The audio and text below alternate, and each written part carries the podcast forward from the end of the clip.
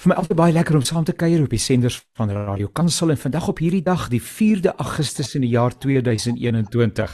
En eh, Radio Kansel is jou vriend waar dis ons verjaarsdag maatjie en is vandag 40 jaar oud.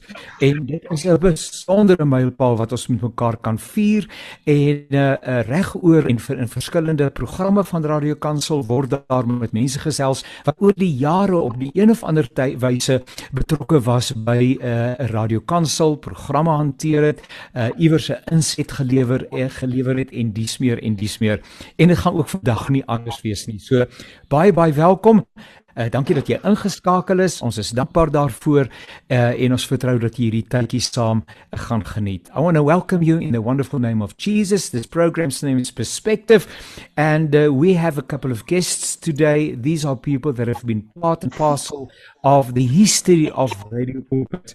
Uh, today is the uh, the celebration of the 40th birthday of Radio Pulpit, uh, and indeed it is a wonderful day. We are thankful towards God for the grace that is bestowed upon this radio station. We look forward to the future. But we're going to celebrate it in the presence of a couple of people today here in this program that have been part of Radio Pulpit's journey over many, many years. Hier uh, dan om saam te kuier uh, uh, is dan um, kom ons begin by uh, Nick Grobler. Dag sê Nick, ek vertel dit gaan goed met jou. Janie, wonderlike voorreg om saam te kuier. Ek wil jy sê uh, Radio Kansel is nou 40 jaar oud. Ek ja. wil sê ek dink 40 jaar jonk. Want Inderdaad. uh, ek ek begin net ervaar, jy weet, so van 40 jaar praat en as dit is my kinders nou is. Ja, en dan verlang ou half na daai tyd, nê?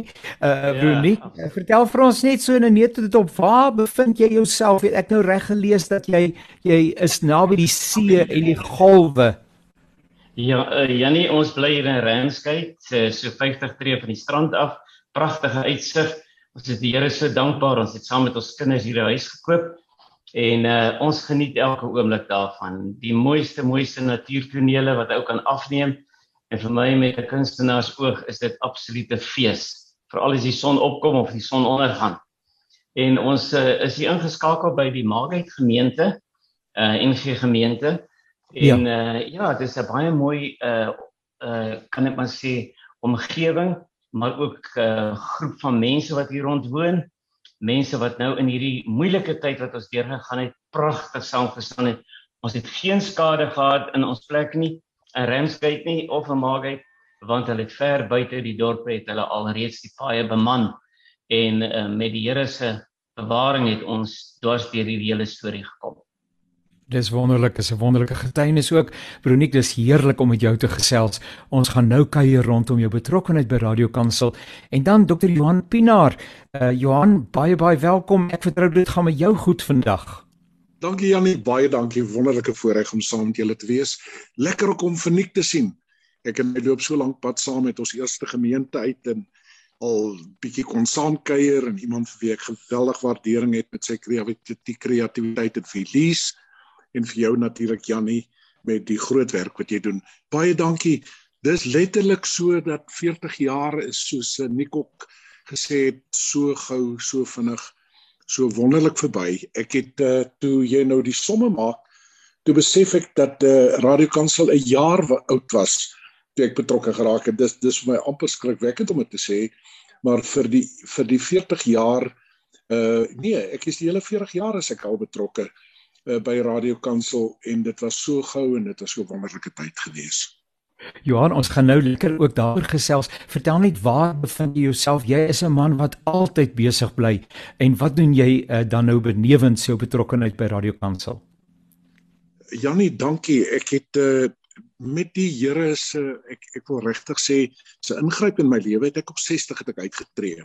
Ja. Ek was op daardie stadium baie betrokke in die gemeente en ook so 'n bietjie in ons kerkverband wat vir my wonderlike voorreg was, maar ek het net besef dat 'n mens as jy eers 'n verdieping in jou lewe en 'n verdieping in jou in jou roeping wil hê, moet jy groot besluite neem. En ek het op daardie stadium begin met so klein bietjie opleiding as 'n bestuurskonsultant. Ek doen dit al vir die afgelope 10 jaar. Die kerk het my heelwat gebruik om so 'n bietjie strategiese hulp te gee aan van die gemeentes Ag en ek skryf en ek doen houtwerk en ons geniet ons kleinkinders en ons bly reg onder die Unie gebou. So ek kry baie keer die geleentheid om hier op te kyk en is letterlik op te kyk na die berge en na die Unie gebou hier reg agter ons en te bid vir die mense wat hier om ons leiers daar is. Dr. Johan Pinaar en dan Elise van Geert. Elise, welkom. Net jou mikrofoontjie afskakel. Dan aanskakel. Daar sê ek sien hom dat hy daar is. en 'n dame met 'n mooi glimlag. Baie baie welkom. Uh en ek vertrou dit gaan goed met jou vandag. Baie dankie Janie. Ja, baie goed met my. Ek is Elise, dis kort vir Elizabeth en as mense my vra, ek is nie familie van die koningin nie. Maar ek is 'n koningskind en ek is familie van Radio Kansel. Uh dis wie ek is. En Elise, jou huidige konteks, wat doen jy uh, op 'n daaglikse basis? En ek was baie lank betrokke, 18 jaar in die mynbedryf in 'n uh, in 'n uh, direkteursposisie op uh, menslike hulpbronne bestuur, maar ook vir besigheidsontwikkeling daar. Uit die bedryf uit so 2 jaar ook my eie ding gaan doen baie soos Johan in besigheid besigheidsontwikkeling. Hou daarvan om companies wat sukkel om te draai en bietjie te help. En in hierdie tyd is my werk vir my uitgeknip. Ehm um, en heidaglik bevind ek my weer soos 'n die Engels is 'n business executive en ehm um, HR executive vir 'n company in die skoonheids industrie. So dit was nogal 'n skok vir my van die mynwese na skoonheid toe, ja. maar ek geniet beide. So baie welkom. Dankie Elise dat ons kan saamkuier. Jongens, kom ons hoor by Nik. Uh, uh, uh Brunik, vertel 'n bietjie vir ons van uh, hoe jy betrokke geraak het by Radio Kansel. Uh, hoe het dit op jou pad gekom? Kan jy dit nog herroep? Ja, verseker, dit was 'n baie duidelike roeping geweest. Maar Jannie, vergun my om net is so 'n bietjie voordat ek werklik fisies betrokke geraak het by Radio Kansel een en ander te deel oor hoe die Here my voorberei het. Ons eerste gemeente, ons eerste gemeente was Pongola geweest. Ek het 'n uh, nagraadse studie gedoen by Tikkies en toe het die Here vir my baie duidelik geroep vanuit daai studies na Pongola toe, eenmans gemeente. Ja. En uh, in ons tyd daar het ons met die voortvarendheid van ons jeug ingegaan met die algemene sinode se besluit dat die amp van die gelowige geskool moet word toegerus moet word om ja. saam te werk met die predikant en die kerkraad. Ja. En uh die Here het absoluut vir ons 'n herlewing in Pongola beskik. Ek kan nou nog die prentjie onthou van hoe ons Dinsdae aande die mense toegerus het en Donderdae aande het hulle weer by die kerk bymekaar gekom dan hulle uitgery na die plase toe om hulle medelidmate te gaan vertel van die Here. En ons het in disippelskap absoluut uh ons ons tyd en energie gegee. Die wonder daarvan was dat toe die Here vir ons roep, uh, ons is in 73 Pongola toe en 76 is ons na Boksburg Park gemeente toe. Uh nie dat ek iets teen die Oosrand het nie, maar ons het juis gebid, ag Here, moet ons net nie na 'n myn gemeenskap toe stuur nie. Daar beland ons in Boksburg Park maar 'n geseënde tyd wat ons toe daar ook het. Maar die eintlike punt waarby ek wil kom is dat die herlewing op Pongola het ons vooruit gegaan. Toe ons in ja. Boksburg Park is, toe Pierre Malan wat een van die skakelbeamptes was vir my kom sien en gesê hulle wil graag meer daarvan hoor en hulle wil ook graag hê dat ek moet deel hê aan die programme van Radio Kansel. Op daai stadium was ons nog by Transwêreld Radio ingeskakel.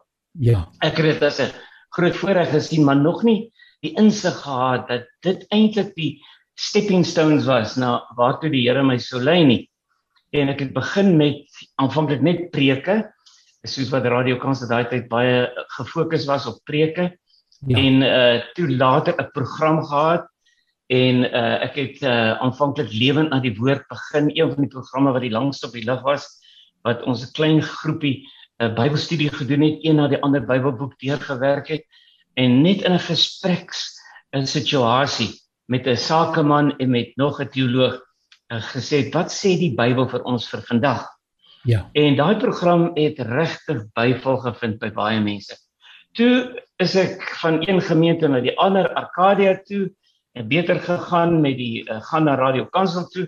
Daarna na Skoukrans of van Skoukrans af is ek toe nou voltyds na Radio Kansel. Die eerste as adjunkhoof van van programme en toe later as hoof van Afrikaanse programme. Ja. Ek wil net sê dat dit was 'n uh, avontuurlike pad geweest.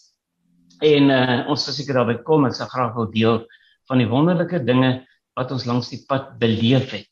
Ja. Al wat ek nou wil sê is dat toe ek hoof van Afrikaanse programme was, het ek ontdek wat dit beteken om kreatief te dink rondom die woord van die Here. Ek ja, onthou ek ja. het een keer gevlieg van uh, Johannesburg af Kaapstad toe na ons ateljee ateljees daar en uh, ek het in die tyd wat ek die uh, vliegrit gehad het, dis 2 ure, het ek die raamwerkies gou gemaak vir 52 programmetjies wat aangebied moes word. Sure. En dit is net asof 'n mens absoluut oorvloedige seën ervaar en ja. die Here vir jou gebruik op baie wonderlike maniere. Maar ons kan weer daaroor praat. Merkwaardige reis. Dit doen nie heerlik om na jou te luister. Uh, broer Johan, vertel vir ons van jou reis saam met Radio Kansel. Weet jy Jan, eintlik in 'n sekere sin is nie uh, indirek is hy verantwoordelik daarvoor.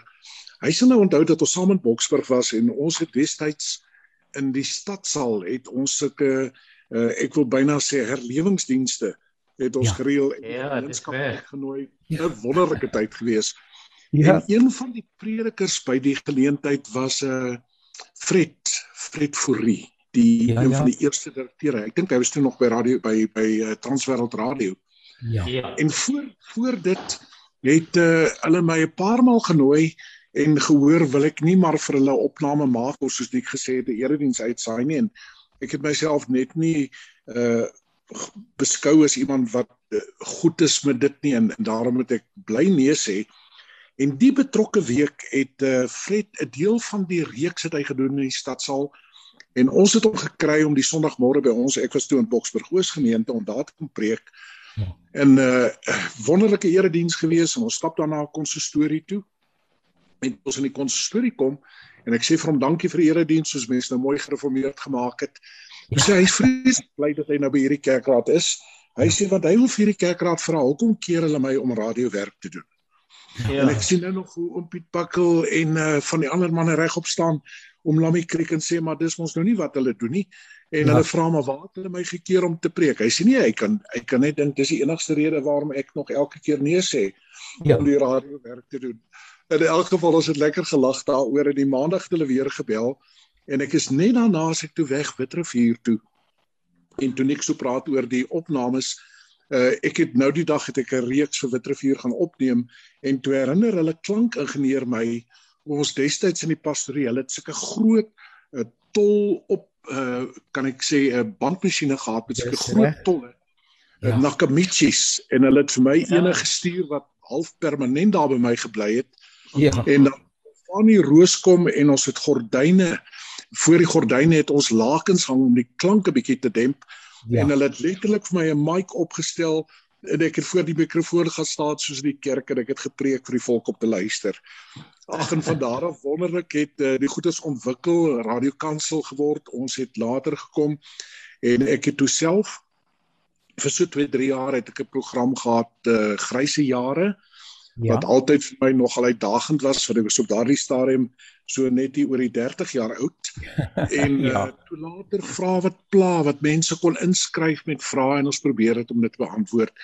Ek het in so totaal het ek so 6 jaar lank as ek uh, probeer reg onthou het ek weeklikse program gehad, 'n halfuur program en ag en later eredienste gedoen en kort oordeenkings gedoen.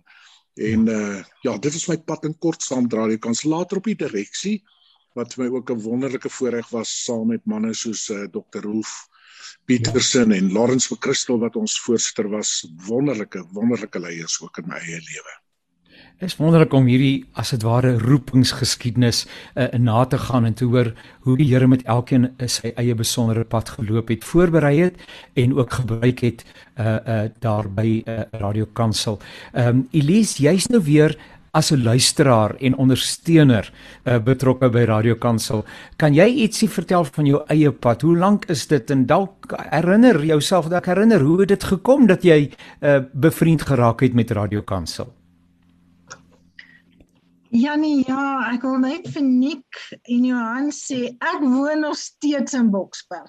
Ek is 'n Boksburger in Murgenpeen. Ja, wonderlik man. Ag, dis lekker lekker vir bokkies. Wie wat? Elise, ek en my ek en my vrou kyk nou die dag na die foto's wat ons geneem het van die sneeu in Boksburg. En hoe ons 'n sneeuman gebou het daar voor die kerk gebou. My aarde, nee. Dit is ongelooflik. Ons sê maar altyd hier ons sorteer ons eie uit. Ons doen ja. ons eie ding hierso. Maar ja, Janie, ek het met Radio Kansel begin toe dit Radio 2000 was. In daai jare, ek is ek het gaan kyk, ek so 33 jaar uh uh dedicated luisteraar ja. van 'n Radio Kansel in my studentejare begin. My pa het my daar by die ou RAI gaan aflaai, gedink ek sal so 2 weke hou en dan terug gaan huis toe want Harry Smit en Johannesburg is om twee heel verskillende wêrelde, maar ek het vasgehak en 'n wonderlike medestudent waarmee ek 'n kamer moes deel, het hierdie radiostasie elke oggend aangesit. En dan ja, ja. wat luister ons nou? Ek ken nie van daai nie. Ek ken van die konsertina en ek ken van boere musiek en dinge en hierdie is nie ten vreemd vir my, maar dit was wonderlik want sy het my letterlik aan Radio Kansel voorgestel. Daai tyd kon ons ek dink net so 3, 4 ure luister en dan skakel hy oor sport toe en so dit aangegaan. My werke wat ek gehad het oor die jare, het maar nog altyd behels dat ek baie getravel het, baie gereis het en oral oor Afrika gewerk het en so aan. En Ek het altyd verlang daarna. Kerk was vir my baie belangrik. Ek het so groot geword in 'n klein plaasgemeenskap. Ons het ook Sondae en naweke en Woensdae aande die boere en almal bymekaar en dan bid ons so. En is so lekker gewees. So ek het dit intens gemis as 'n meisie nou in die stad en toe nou later hierdie klomp rondry en oral oor bly en so dit was wonderlik die tye toe hmm. Radio Kansel digitaal gegaan het en jy kon luister op jou selfoon of op 'n ja. gestel of op 'n manier net inskakel. Vir my het Radio Kansel my gemeenskap geword, die kerk waaraan ek so graag wou behoort. En elke keer as ek dit vir Dr. Rolf sê, uh gesê het, en selfs vir Karel dan dan het ons 'n wal gegooi om te sê asseblief moet dit nie sê nie. Ons is nie klaar ja ja ja. Jy mag dit sê dit maar dit was my tuiste. Dit was my gemeenskap. Ek kon nie wag om die preke te hoor in die vreemde nie Ek kon nie wag. Partymal het mense vir my stukkies opgeneem wat ek gemis het en wat ek altyd gevra het, kan julle want ek is nie hier nie en ek weet waar ek gaan is daar geen ontvangs nie. Of later toe ek potgoeie kon gaan luister. Dit is ek het altyd gedoen. Uh wonderlike wonderlik. Is dit nie fantasties nie? En weer eens, ek dink Dr. Roof en Karel wil sal nou weer hulle die een sy hare en die ander een sy bles vasgryp as hulle my nou hoor. I insisted dat ek my tiendes betaal reg van die begin. En ek doen en vir my was dit hierdie is my huis, hierdie is my familie. Ek kan nie my lewe indink nie want die bemoediging, die ongelooflike uh teachings, die leer, die oopbreek van die woord, die deel daarvan, selfde skrif kan oor hierdie jare so baie dinge gehoor en en dan in die Hebreëus en dan iemand anders. Ag, vir my is dit net 'n ongelooflike reis saam met 'n 'n goddelike stasie en ek vind myself so tuis. Dis vir my baie lekker.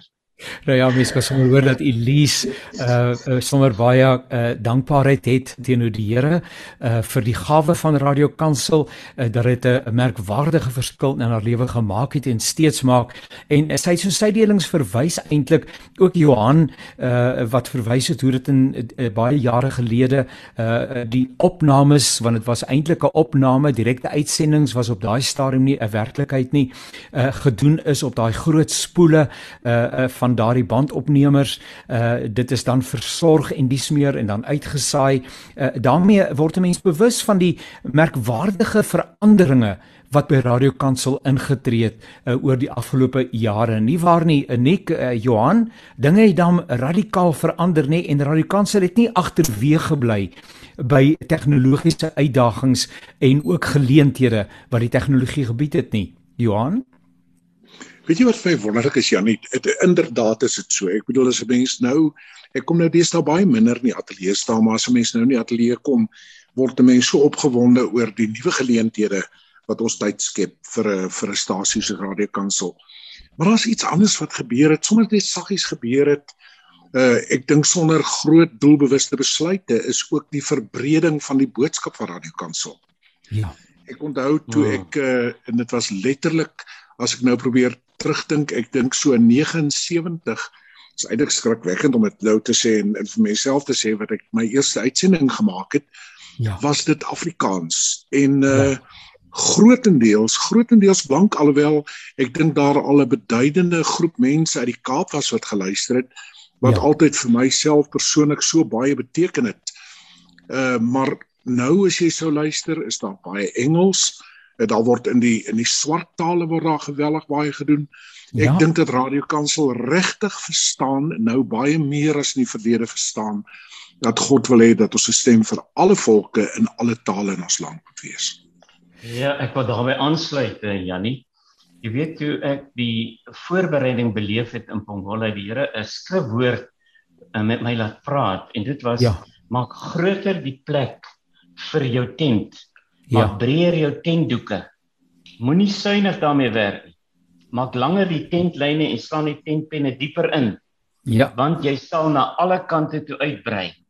Jy weet hierdie is 'n profetiese woord gewees want 'n radiokansel het ek beleef in die tyd toe ons die stryd gehad het toe ons van FM afgeklim het uh geforseer was in 'n sekere sin en as ja. met streekradio's begin is Ek kan dit verstaan omdat daar allerlei aansprake op nasionale radio was, maar feit is dit was vir ons nie lekker geweest. Nou kan ons nie meer op uh, FM uitsaai nie, ons moet nou medium golf en kort golf uitsaai. Maar die Here het 'n groter plan gehad. Ja. En ja. Radio Kansel het sy sy tentpenne weier ingeslaan. En die wonderlike daarvan is dat uh, Radio Kansel het saam beweeg met digitale radio met die uh, elektronika. Jy weet as ek terugdink, ons het altyd gepraat van die opnamekamer. Dan was ja. die groot rekenaars in 'n kamer gewees ja, waar die ja. ouens hierdie groot tolle gehad het en al die ding. En deesdae wat ons eh, 'n uh, kamer vir nodig gehad het daai tyd in 'n uh, 'n persoon nou ek wil amper sê met sy selfoon doen. Ja. So geweldig is die ontwikkeling in daardie opsig. Maar ek wil graag ook praat van 'n ander ontwikkeling wat uh die Here baie duidelik op my hart gelê terwyl ek daar was. Toe ek voltyds daar is, het ek 'n gebrek beleef en dit was dat ons uh te veel gerig was daarop om te preek vir mense. Ja. Johan het nou sydelings daarbey aangesluit die verandering in programme. En die Here het toe daai tyd vir my op my hart gelê dat ek moet daai uh, nagraadse studies van my voortsit, maar heeltemal in 'n ander rigting. En toe het ek onder leiding van Prof Pasvos en veral met Jannie de Beer wat 'n navorser by die SAIK was, 'n hmm. empiriese studie gedoen wat ons 3000 vraestelle uitgestuur het, vraelyste en mense se reaksie getoets het. En toe het ek 'n uh, proefskrif geskryf vir my doktoraal, 'n prakties teologiese ondersoek na die Afrikaans sprekende luisteraars van Radio Kansel met die oog op toekomstige programbeplanning. En dit was vir my 'n persoonlik bekendering gewees. Want toe kon ons sê as jy gaan vir 'n spesifieke program en jy saai vir mense uit, dan moet jy weet wie is die mense vir wie jy uitsaai. Ja. Sodat jy by hulle leefwyse en hulle omstandighede kan aanpas. Ek het byvoorbeeld op stadium die uurlange program Spitstyd aangebied tussen 7 en 8.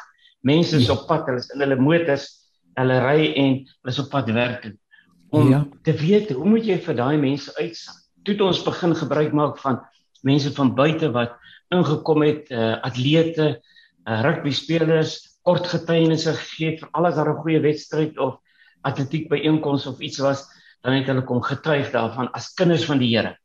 Ja. En ons het sakemanne betrek en mense in ander professies en elkeen het op 'n natuurlike manier sy getuienis gegee wat kragtig was.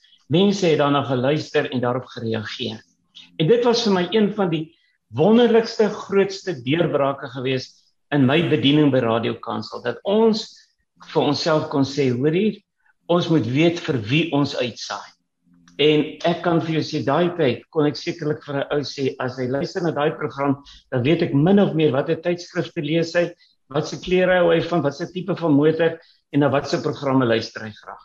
Sodat 'n mens daarbey kon aansluiting vind en dan vir die mense uitsaai volgens hulle leefwêreld.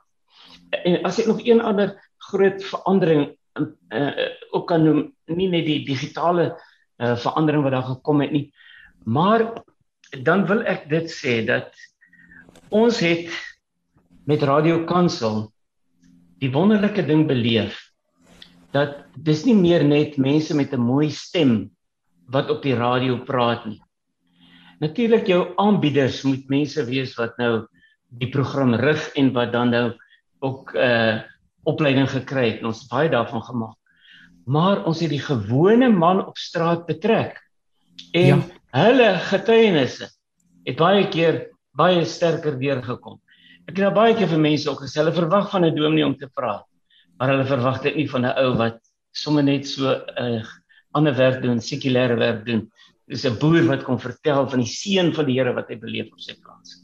Ja, is wonderlike goeders en uh, ek dink nou maar net in terme van uh, ek en ek hoor hoe die uh, uh, uh, evolusionêre ontwikkeling by Radio Kansel plaasgevind het en nog nie opgehou het nie. Uh. Ja. want Radio Kansel is steeds relevant. Daar word baie navorsing gedoen. Ek weet in ons gereelde vergaderings uh, wat ons as aanbieders uh, saam met die bestuur en dies meer het word daar terugvoer gegee uh, oor navorsing wat gedoen word. Wat is die beste wyse, die beste plek, uh, die beste uh, adresse wat gebruik kan word om die boodskap uit te dra. En en, en mense kan met groot dankbaarheid vandag sê dat daar eintlik nie 'n plek in die wêreld is waar mense nie vir Radio Kansel kan raak luister nie. En inderdaad is daar ook in die buiteland is daar baie baie mense uh, wat betrokke is via uh, die internet, uh, via die selfoon uh, en natuurlik ook DStv 882 en op verskeie platforms word die evangelie uitgesaai. Johan, uh, ons lewe in veranderende tye, maar ons lewe ook in stormagtige tye. Uh dis dis moeisaam in Suid-Afrika. Dit is nie maklik nie. Uh hierdie dinge sit nie sonder meer in 'n mens se klere nie en Christene is nie daarvan gevry waar nie. Ons is doodgewone mense. Uh voel jy dat die die boodskap van Radio Kansel relevant is vir die tyd waarin ons lewe en dat Radio Kansel inderdaad 'n rol het om te speel? Ek ek dink dat uh, Nick baie reg was toe hy gesê het dat daar geweldig navorsing was oor wat hoor julle. En uh, die kere wat ek nou kans kry om self te luister, word ek regtig geraak deur dit wat nou gesê word. Jy's jy's baie reg. Ek dink 'n uh, boodskap, ek dink 'n stasie wat nog soos in baie van die ou tye wêreldvreemd was en mense probeer en ek sê dit verskriklik versigtig, mense probeer regmaak dit vir die lewe hierna gaan nie regkom nie. En wat ek by Radio Kansel beleef en ek dink ook nou terug aan gesprekke wat ons gevoer het in die ateljee by die direksievergaderings was hoe kan ons nou hier in Suid-Afrika 'n verskil maak? Een van die wonderlike goed Jannie wat vir my so belangrik was is dat Radio Kansel ook begin het met uitreike na buite toe.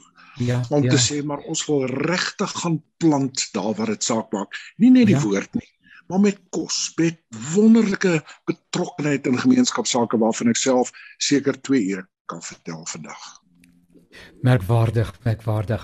Kollegas, dit is so lekker om te luister na die reis wat elkeen van julle saam met Radio Kansel 'n um, waardige gespreksgenoot uh wat betroubaar is uh in die dinge van die Here en dit is net 'n enorme voorreg om betrokke te mag wees, te kon wees, te mag wees en ook te bly by die sending of die roeping en die bediening van Radio Kansel. Maar ek wil graag vir julle vra om elkeen 'n seënbede uit te spreek oor Radio Kansel vir die tyd en die jare wat ons die Here voor vertrou tot op die dag dat Jesus op die wolke kom. Elise, gaan by jou begin vir jou vra um, om so 'n seënwens uit te spreek wat, wat in jou hart lewe vir 'n uh, radiokansel en sy werksaamhede.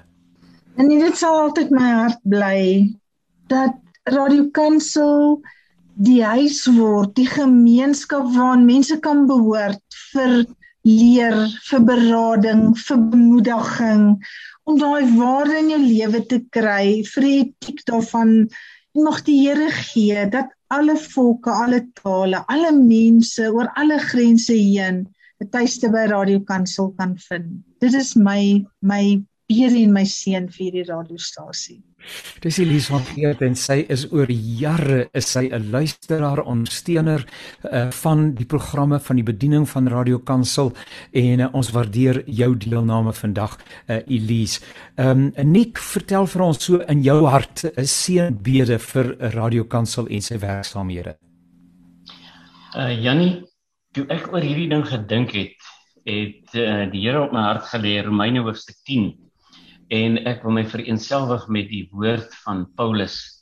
Paulus het dit gesê en ek dink wat ons ook vir mekaar moet sê waarby Johan nou aangesluit het is dat ons het nodig 'n hartsverandering. 'n Hartsverandering van mense want die manier wat daar opgetree word getuig daarvan dat die moraal laag is. Ja. Paulus het in verband met sy volk gesê: "Broers, my hartewens en my gebed tot God vir my volk is dat hulle gered word. Want ek kan van hulle getuig dat hulle vol ywer vir God is, maar sonder die regte insig. Mense steur hulle nie aan die manier waarop God vryspreek nie. Hierdie is my uiters belangrike woord. Radio Kansel gaan in mense se huise, in kamers, in sitkamers, oral erin. En Radio Kansel se stem is 'n armlengte van jou af.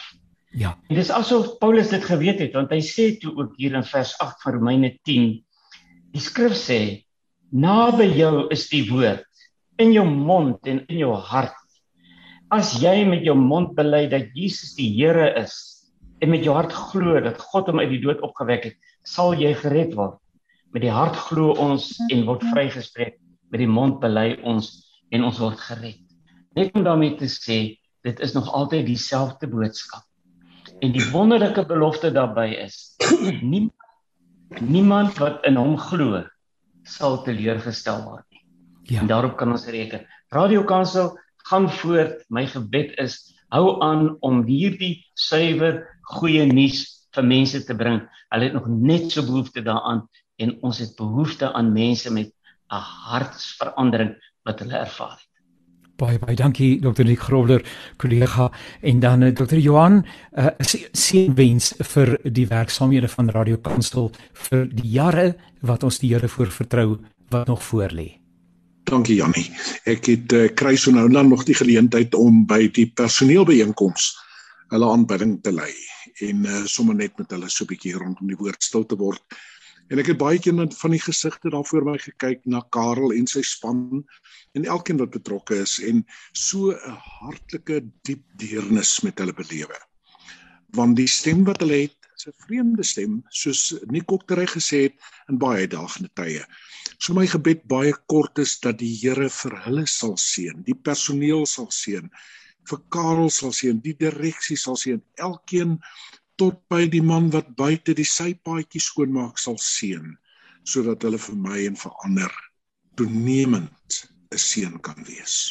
Dit is stemme baie baie dankie. Die stemme van uh, eh, Dr. Johan Pinaar, van uh, eh, Dr. Nick Grobler en van Elise van Geert, uh, mense wat vir baie baie jare uh lojaal betrokke was op verskillende maniere soos wat hulle ook vir ons hier uitgewys het uh, by die bediening van Radio Kansel en seker sekerlik uh, die werk en die saak van Radio Kansel uh, met hulle die hart in hulle harte dra en ook die toekoms sal indra. Baie baie dankie vir julle deelname. Uh, ons waardeer dit opreg mag die Heer ook vir elkeen van u baie baie ryklik seën uh, daar waar hy vir u roep en uh, mag hy vir u toerus vir u dienswerk uh, in sy koninkryk. Baie baie dankie. Dis my groot voorreg. Ekskuus tog. Ja, seker is totsiens. Seker is bye. Baie dankie. Baie dankie. En uh, ja, julle kan hoor ek is opgewonde oor uh, mense wat ook 'n uh, deel vorm van ons program hier by Radio Kansel en ek het nou 'n kontak met professor Hanlie Meyer. Hanlie, ek vertrou dit gaan met jou klop Dusselboom, jy net jou mikrofoon aanskakel. Daar's hy. Ek vertrou dit gaan met jou sommer baie baie goed. Ja, baie goed, dankie self en daar by jou ook. Jy klink heel vrolik. Ons is dankbaar, ons is dankbaar teenoor die Here. Ons is uh, gesond. Hanelie, uh, jy het so 'n lang titel. Ek het hom nou probeer raak lees weer 'n keer, maar toe sien nou uh, in Britse taal ek kon hom nie vinnig genoeg vertaal kry nie en jy kan hom in die Engels ook sê asseblief. Uh, help net help net weer vir ons met jou konteks. Waar is jy betrokke uh, met betrekking tot die en, en wat is die relevantie daarvan dan vir ons gesprek rondom COVID-19? Ehm um, Janie, ja, ek is by die Sifako Magatu Health Sciences University wat nogal moeilik is vir baie mense om uit te spreek. En ek is op die oomblik ek's die hoof van die South African Vaccination and Immunization Center by die universiteit. En dan wat die COVID-19 aanbetref, ek is ook die ehm um, die chairperson van die National Immunization Safety Expert Committee So ons kyk na die neeweffekte van die en die veiligheid van die uh COVID-19 uh vaksina. Nou eh, baie baie dankie dat ons bietjie kan saamkuier en ek wil vandag uh, met jou bietjie gesels oor die voorbehoude wat uh, daar nog steeds in die harte van 'n klomp mense is. Ehm um, en natuurlik het mense reg om 'n voorbehou te hê. Uh, niemand kan gedwing word om die vaksinne te ontvang nie. Uh, maar ehm um, daarmee saam is mense se voorbehoude partykeer dank nie dalk nie op wetenskaplike gronde. Uh, dis dalk behoor sê dis dalk ietsie wat uh, deur middel van die sosiale media versprei is en mense uitgekom het uh, wat nie getoets is nie en, en ons is mense wat 'n bietjie emosioneel kan raak oor goeters veral wanneer dit oor ons eie gesondheid en die gesondheid van ons mense gaan so mense kan dit goed wel verstaan Uh en so ek wil bietjie met jou gesels oor die voorbehoude. Uh een, een van die sake en ek gaan ons sommer so toets as ek mag soos wat ek mense hoor gesels. Een van die goeters is is wat is dit waarmee hulle ons inspuit? Uh wanneer ek dan nou daai enstof ontvang. Wat is dit waarmee ons inspuit? Ja, ja, nee, weet jy dit is is is waar soos wat jy sê. So so ons praat van van ehm um, van eintlik in Engels van vaccine hesitancy. So dit is die huiwering van mense om hierdie enstof te ontvang of ja. enige ja. enstof te ontvang. En en dis 'n baie ehm um, dis 'n baie komplekse situasie en dinamies en dit verander ook oor tyd. Soos jy kyk, oor die tyd het die mense van Suid-Afrika eintlik meer soort van bereidwillig geword om die om die uh om die instof te vat. Ehm um, en dit kan dan ook verander ja. So daar kan daar's 'n daar's 'n klop faktore wat wat wat nou daarbey betrokke is soos jy genoem het. Soos byvoorbeeld nou het mense die nodige kennis, verstaan hulle waaroor dit gaan. Ehm um, is hulle seker daaroor? Wat se vertroue het hulle byvoorbeeld in die enstof en miskien ook die ehm um, die uh, gesondheidstelsel en die regering. En dan ook mense hulle eie persepsie oor hoe hulle voel. Voel hulle hulle is eintlik dit is vir hulle risiko hulle moet die moet die enstof kry of nie. En dan ook is dit gerieflik vir hulle. Kan hulle daarbey uitkom? Dit is dit ja. beskikbaar vir hulle. Maar ja, daar's ook baie mense wat twyfel oor die oor die ehm um, oor die instof. Ehm um, uh, daar's byvoorbeeld baie mense wat sê uh, kan dit my DNA verander? Wat wat spuit julle? Soos jy sê, wat spuit julle nou vir my ja, in? Ja, en ja. hierdie ja. inligting versprei meestal op sosiale media en dan ehm um, lees mense dit uh, baie betwyfel dit glad nie. Hulle glo dit net eenvoudig en dit is nou hoe hierdie ehm um, nuus dan versprei tussen mense en dan word mense huiwerig en dan weet hulle moet hulle nou hierdie back, uh, hierdie hierdie enstof neem of moet hulle dit eerder nie gaan dit vir hulle risiko wees. So uh, Hanelie, kom ek vra eers jy het is jy die enstof ontvang? Ja, ja, ja, ja. Ek het dit al ja. reeds in in Maart maand, ja. Net ja. toe hulle begin het om dit uit te rol vir die ehm um, gesondheidswerkers, toe het ek gelukkig my enstof alreeds gekry. En jy is nog steeds gesond. Ek bedoel jy, jy dit, dit dit het jou nie negatief beïnvloed. Was daar enige negatiewe reaksies uh eh, eh, lankdurig van enige aard wat vir jou miskien laat twyfel het sê het ooggats ek moes nooit hierdie pad geloop het nie? Nee, nee, gelukkig ek het geen van hierdie neeweffekte. Ek was baie gelukkig. Ek het nie eers 'n seer arm of niks gehad nie, maar daar is mense wat neeweffekte kry. So ehm um, maar wat ons nou gevind het, daar's nou al biljoene mense met hierdie verskillende entstowwe ingeënt en almal werk min of meer op dieselfde manier. Hulle werk verskillend, maar min of meer. Maar die maar die neeweffekte is is baie gering sou ek sê. En hulle verdwyn ook binne die eerste 1 tot 3 dae. So dis maar goedjies soos hoofpyn, uh duiseligheid, uh, seer arm, 'n rooi arm, uh moegheid, uh party mense kry soort van koue koors. En dan sou jy hierdie kry, dan kan jy ietsie neem soos 'n uh, gewone parasetamol net om nou die pyn so te verlig. Indien jy wel ehm um, jy weet erger neeweffekte ehm um, ervaar, dan moet jy dadelik jou ehm um, jou jou kliniek of jou dokter of die waar jy die waar jy die instof gekry het kontak en ook baie belangrik dat mense moet dit aanmeld. So so baie mense weet nie dat hulle dit kan aanmeld nie of dat hulle dit moet aanmeld nie. So ehm um, so daar's ook nou 'n 'n app op jou foon wat jy kan dit mee aanmeld die publiek self. Jy kan of dit gaan aanmeld by 'n sentrum of by jou gewone dokter, uh, jou kliniek of waar ook al jy gaan of jy kan die uh, COVID-19 hotline skakel of jy kan dan hierdie hierdie app op jou foon aflaai en dit is die um Met Safety app. So uh, miskien kan ek dit vir jou stuur, dan kan jy ja. dit dalk op jou webtuiste of ergens sit. Jy Sou mens kon sê want dit klink vir my uh, wat jy sê uh, Annelie is dat uh, die die neeweffekte wat daar mag wees is nie lewensbedreigend nie in die eerste plek. Uh, uh, uh dit is uh, dit mens kon dit verwag en kan 'n mens daai aflei maar die storie werk. Want hier gebeur nou, hier's 'n reaksie in my liggaam en en en en en en, en hy staan sy man teenoor wat ook al dan nou hier by my tuis gekom het. Ja, ja, kyk die ehm um, wanneer wanneer hierdie enstowwe getoets word in die kliniese proewe dan ehm um, daar daar word baie mense neem deel aan hierdie kliniese proewe maar 'n kliniese proef kan nooit groot genoeg wees om hierdie baie uh seldsame neeweffekte op te tel soos daardie wat byvoorbeeld 1 in 'n miljoen mense gebeur. So dit is moontlik dat dit kan gebeur en dit is hoekom dit belangrik is om dit aan te meld indien daar iets verkeerd gaan met jou en jy voel jy jy of jy of jy hierdie hierdie neeweffekte word erger of hulle gaan nie weg binne ehm um, jy weet 3 dae of so nie.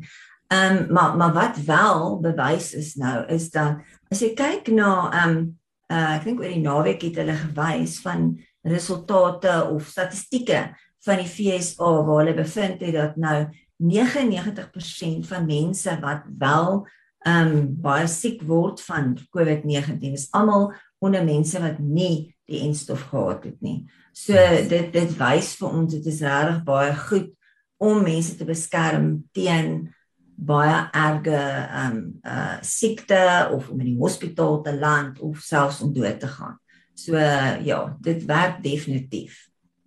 Daar is mense wat sê Annelie en ek en ek is nou soos soos hulle sê duiwels advokaat en kom lê dit bietjie uh, by jou uh, uh, om te hoor hoe jy daaroor reageer en sê maar maar die ding is te vinnig ontwikkel. Uh COVID het ontwikkel en dit word ook gesê dat binne rekordtyd uh dis eintlik aangrypend dat daar een of ander uh, en verskeie uh, en stowwe uh, dan uh, uh, op die op die mark verskyn het as ek die woord so kan gebruik beskikbaar gekom het. Maar maar dis heeltemal te gou. Die ding is nie behoorlik getoets nie En uh wie sê 3 jaar van nou af of 5 jaar van nou af? En baie mense praat van 5 jaar van nou af. Uh ons ons moet maar ons testamente goed in orde kry, want 5 jaar van nou af, dan is dit nou uh totsiens vir die ouens wat die pad van die enstof geloop het. Ja, ja, daar's baie sulke um gerugte wat rondgaan en as jy ook kyk na die na die uh meningsopnames wat hulle gedoen het, is dit een van die hoofredes wat mense huiwerig maak om die, om die enstof te vat. As hulle sê dit het, dit het te vinnig gebeur. Nou, ehm um, enige soos baie mense dink ook dis nie getoets ten volle getoets nie. So uh, ons is nou proefkonyne. Maar ja. die, ons ons ehm um, wel dit is vir die wêreld soos, soos in Suid-Afrika het ons SAHPRA wat die South African Health Products Regulatory Authority is. So dis ons owerheid wat seker maak dat al die medisyne en en, en stowwe wat ons gebruik in Suid-Afrika dat veilig is vir die mense. So hulle is baie streng daarop om seker te maak. So geen ehm um, enstof sal in Suid-Afrika goedgekeur word tensy dit deur al die fases, die drie fases van die kliniese proewe gegaan het en hulle al na al die data gekyk het en seker gemaak het dit voldoen aan die kwaliteit en die ehm um, doeltreffendheid van die die, die vaksinne nou self. So ehm um, dit moet aan al daai standaarde voldoen. En dan dan sal ook natuurlik redes hoekom die vaksin so vinnig ontwikkel is. So, en mense weet nie altyd daarvan nie. So een van die redes is die tegnologiese vooruitgang oor die jare. Daar was al reeds baie navorsing gedoen teen die tyd wat hulle um, wat ons nou COVID-19 ontmoet het, sal ek nou maar sê. So ja. as gevolg van die tegnologiese tegnologiese vooruitgang het dit hulle ook gehelp om baie vinniger daai DNA te identifiseer wat dan nou gebruik word. En dan ehm um, tweedens daar was ook ander ehm um, die die die nuwe tipe van enstof platform soos hierdie mRNA wat nou die boodskap is wat jy wat wat hulle gebruik om ja. die eh, vir jou liggaam as jy nou as jy nou die enstof kry. So daar was ook al reeds navorsing daaroor gedoen. Dan was daar ook omdat dit ehm, 'n um, pandemie is. Daar was baie ehm um, uh, befondsing beskikbaar gemaak uh, wat onder normale omstandighede dalk nou nie sou gebeur nie. Ehm um, dit is baie duur om om enstowwe te ontwikkel en dit neem ook 'n lang tyd as gevolg daarvan. En dan nog iets wat baie belangrik is, omdat dit 'n pandemie was, was baie mense ehm um, uh, bereidwillig om deel te neem aan die kliniese proewe. So ja. waar hulle gewoonlik 'n lang tyd nie genoeg mense te kry om wat bereidwillig is om deel te neem, was daar nou duisende mense oor die wêreld wat deelgeneem het aan hierdie proewe en ook dit was nie net een een enstof wat ontwikkel is nie baie verskillende maatskappye het on enstof ontwikkel en dan het hulle ook van hierdie fases van die ontwikkeling het uh, in parallel plaasgevind sodat die enstof makliker beskikbaar is soos byvoorbeeld terwyl hulle na die uh, in na die data kyk soos wat dit inkom het ja. hulle toestemming gegee om so lank te begin om te vervaardig so dis hoekom toe toe hulle dit sê dit is nou verby die fase 3 toetse was dit ja. feitelik onmiddellik beskikbaar Ja, ja, so het mense eintlik proaktief gewerk, nê. Nee. 'n ja. Ander ding wat ek raakloop is uh mense sê dat uh die syfers oor uh mense wat geïnfekteer word met uh, COVID-19 en dan ook die sterfte syfer is onbetroubaar. Uh, want uh um, ons het in die verlede altyd 'n uh, groot hoeveelheid mense gehad wat dan byvoorbeeld tuberkulose uh, en ook natuurlik aan uh vigs uh oorlede is. En al daai mense word nou sommer net hier bymekaar getel en dit word nou as een groot som gegee en nou is hulle almal skielik is mense wat COVID verwant oorlede is. Daai syfers is dit betroubaar? Ja, kyk, dit is ook een van die redes hoekom mense dan voel ehm um, dis nie reg so erg nie want hierdie syfers is nou onbetroubaar. Maar ja. wat ons moet onthou wanneer ehm um, wanneer daar 'n sterfgeval is, dan word die persoon mos nou gesertifiseer en daar word 'n oorsaak van die sterfte aange, aangedui. So ehm um, byvoorbeeld iemand wat ehm um, wat sê maar TB het of of HIV het. Ehm um, so 'n persoon se immuniteit is laer. Met ander woorde, hy is hy het 'n hoër risiko om baie siek te word en heel waarskynlik dan nou dood te gaan sou hy of sy COVID-19 kry. Ja. So daardie mense dan wanneer hulle dan nou sou in die hospitaal land en hulle gaan dood, ehm um, dan gaan as hulle COVID kry, dan omdat hulle nou meer op 'n hoë risiko is, kry hulle COVID, hulle gaan dood. So die ja. oorsaak van dood is dan COVID-19, maar die onderliggende oorsaak ja, is ja. dan TB of uh, HIV of wat ook al. So dit is ek dink wel mense dit nie mooi verstaan nie of mense ja. met um ander siekte toestande ook. Hulle is teen 'n hoë risiko. Dan is daar natuurlik ook um mense wat die vaksin gehad het wat doodgaan. So ja. daar's ook baie onsekerheid daaroor en dan mense wil dan sê omdat hulle die vaksin gekry het, hulle is nou dood van die vaksin. Ja. Maar ons moet ook onthou dat ehm um, terwyl ons nou die die die enstof uitgerol het veral um onder die ouer mense. So hulle is klaar het hulle 'n hoër risiko om ja. om dood te gaan. So as jy kyk na die na die sterftes, dan moet jy dit in ag neem. Ehm um, dat mense ja, mense as gevolg van die normale gang van die lewe en omdat jy ouer is, het jy 'n ja. risiko om dood te gaan. Ja. Daai ding van hulle kap nou in ons bos, nê. Nee. ja, ja, so so so daar's baie verwarring daaroor. Ja. En ja, dan ja. maar maar al die die die die SAPRA en die departement uh die departement van gesondheid, hulle is baie uh, streng daarop. So al hierdie gevalle word gemonitor. Enige ja. van hierdie neeweffekte word gemonitor en nog geen van die van die sterftes wat nou alreeds ondersoek is, is gevind dat dit 'n verband het met die met die vaksin. So net twee laaste laaste gedagtes. Uh, die een is natuurlik nou en hoe kan ek nou nie daaroor uh, vir u toets nie uh, en vir die pols nie en dit is natuurlik ivermectin. Uh en dit mens ja maar daai is eintlik die antwoord en uh, en dis meer u eie gedagtes daaroor. Ek is 'n ek is 'n scientist so ons kyk na wat weet daar moet genoegsame bewyse beskikbaar wees. So ja. ehm um, daar is nou al daar word baie geskryf daaroor, word baie gedebatteer daaroor. Nou ehm um, afgelope 2 weke was daar weer ehm um, baie inligting daarvan op die nuus gewees en so aan.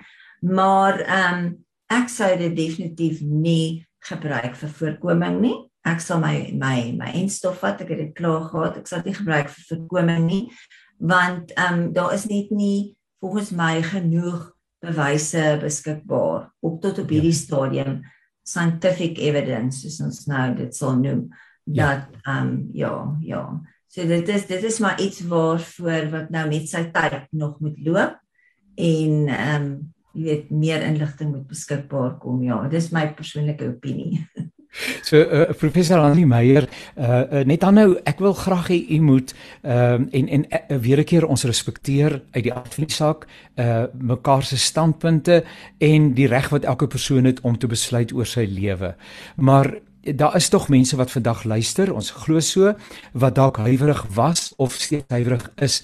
Ek wil graag hê u moet net met hulle gesels en vir hulle 'n boodskap gee uit die hart uit oor uh, oor rondom hierdie hele saak. Wat sou u vir hulle wou sê?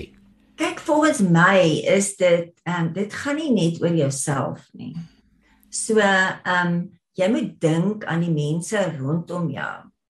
Uh, want baie mense sal vir jou sê, ek is jonk en ek gaan nie siek word nie. Dis nie nodig vir my om die instof te kry nie. Hoekom moet ek nou die risiko vat? Maar dit gaan nie net oor jou nie. Dit gaan oor die persoon langs jou, die persoon met wie jy praat. So dit gaan om jouself te beskerm, ja, maar ook die mense rondom jou om hulle te beskerm. En ons moet net onthou dat ehm um, hoe meer mense die enstof gekry het, hoe minder is die kans dat die men dat mense rondom jou en die hele samelewing die infeksie kan opdoen en dat dit kan versprei. En hoe meer dit gaan versprei, meer mense word siek en dan word daar ook nuwe ehm um, dit muteer, so jy kry nuwe variante. So dis 'n hele siklus van goed wat wat saamloop en dan ook mense moet ook uitkyk vir ander mense, help jou ehm um, mense wat vir jou werk of die ja. ouer mense, help hulle om te registreer om ook die om ook 'n instof te gaan kry. Want die ouer mense is meer bereidwillig, maar hulle kan nie altyd daar kom nie. Dis nie vir hulle so toeganklik soos wat dit vir ons is nie. So dit is iets wat dit is dit is 'n hele um publieke gesondheid um ja. Nou oorweging nee. Almal wat moet uitkyk vir almal ja. So so ons ons kan nie ons kan nie veilig wees. Niemand kan veilig wees vir almal nie veilig is nie. Dis eintlik waar dit gaan. Sure. Nou ja, professor Hanlie Meyer, baie baie dankie vir u deelname. Ons kuier weer in die nabye toekoms saam met mekaar. Seënwense sterkte met u werksaamhede en baie baie dankie dat u tyd op sy gesit het om saam te gesels. Baie dankie dat jy my ook hier gehad het. Dit is dis altyd lekker. Baie dankie en sterkte vir julle ook. Dankie Annelie en daarmee het ons aan die einde gekom van hierdie aflewering van Perspektief op die senders van Radio Kansel. Ons het heerlik gesels Dr. Johan Pinaar, Dr. Nick uh ook met wie ons gesels het Grobler en ook ehm um, uh natuurlik Elise van Geert. Hulle het vir ons vertel van die besondere rol wat Radio Kansel in hulle lewens gespeel het en dan nou hier met professor Hanley Meyer uh, oor uh, COVID wat nog met ons is en waarskynlik nog geruime tyd deel van ons lewe wêreld sal wees.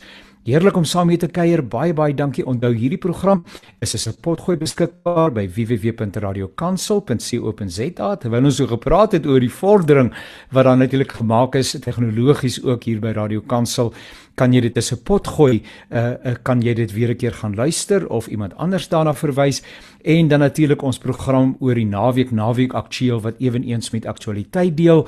Uh, dit kan jy ook as 'n pot gooi. Ek gaan raak luister onder 'n naweek aktueel op 'n Radio Kansel se webwerf. Bly mooi, bly gesond en pas jou mooi op en baie baie dankie weer eens dat ons kon saam kuier. Tot 'n volgende keer. Alles, maar alles wat mooi is.